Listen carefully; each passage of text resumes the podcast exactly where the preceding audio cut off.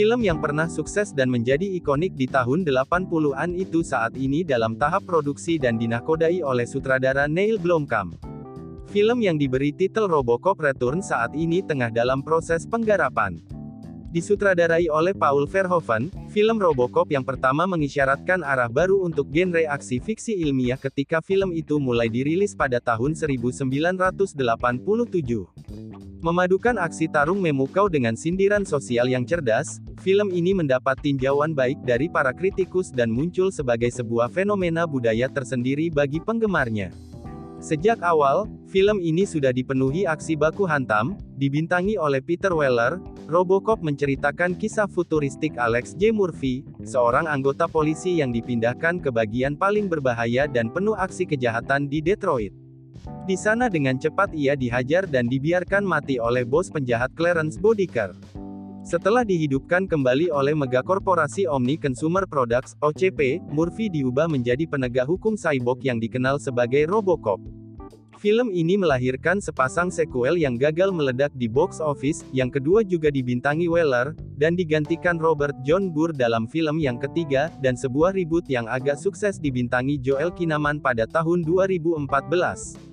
Saat pertama kali muncul, manusia setengah robot itu mengenakan kostum berwarna perak dengan ukuran yang cukup besar dan berlanjut pada dua film selanjutnya yang bertajuk Robocop 2 tahun 1990 dan Robocop 3 tahun 1993. Kemudian kostum tersebut berubah dalam film remake Robocop tahun 2014. Pada film itu, Robocop sempat ditampilkan mengenakan kostum berwarna perak. Namun hanya diperlihatkan pada awal film saat Murphy pertama kali menjadi setengah robot dan pada akhir film. Robocop yang saat itu diperankan Joel Kinnaman mengenakan kostum warna hitam yang terlihat lebih ramping ketimbang kostum di tiga film terdahulu. Robocop telah beberapa kali diproduksi ulang.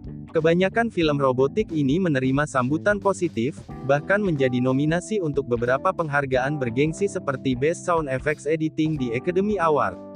Robocop Return versi Neil Blomkamp akan kembali ke konsep original. Sutradara Neil Blomkamp telah menawarkan kepada penggemar pembaruan tentang Robocop Return, menjanjikan kembalinya konsep asli.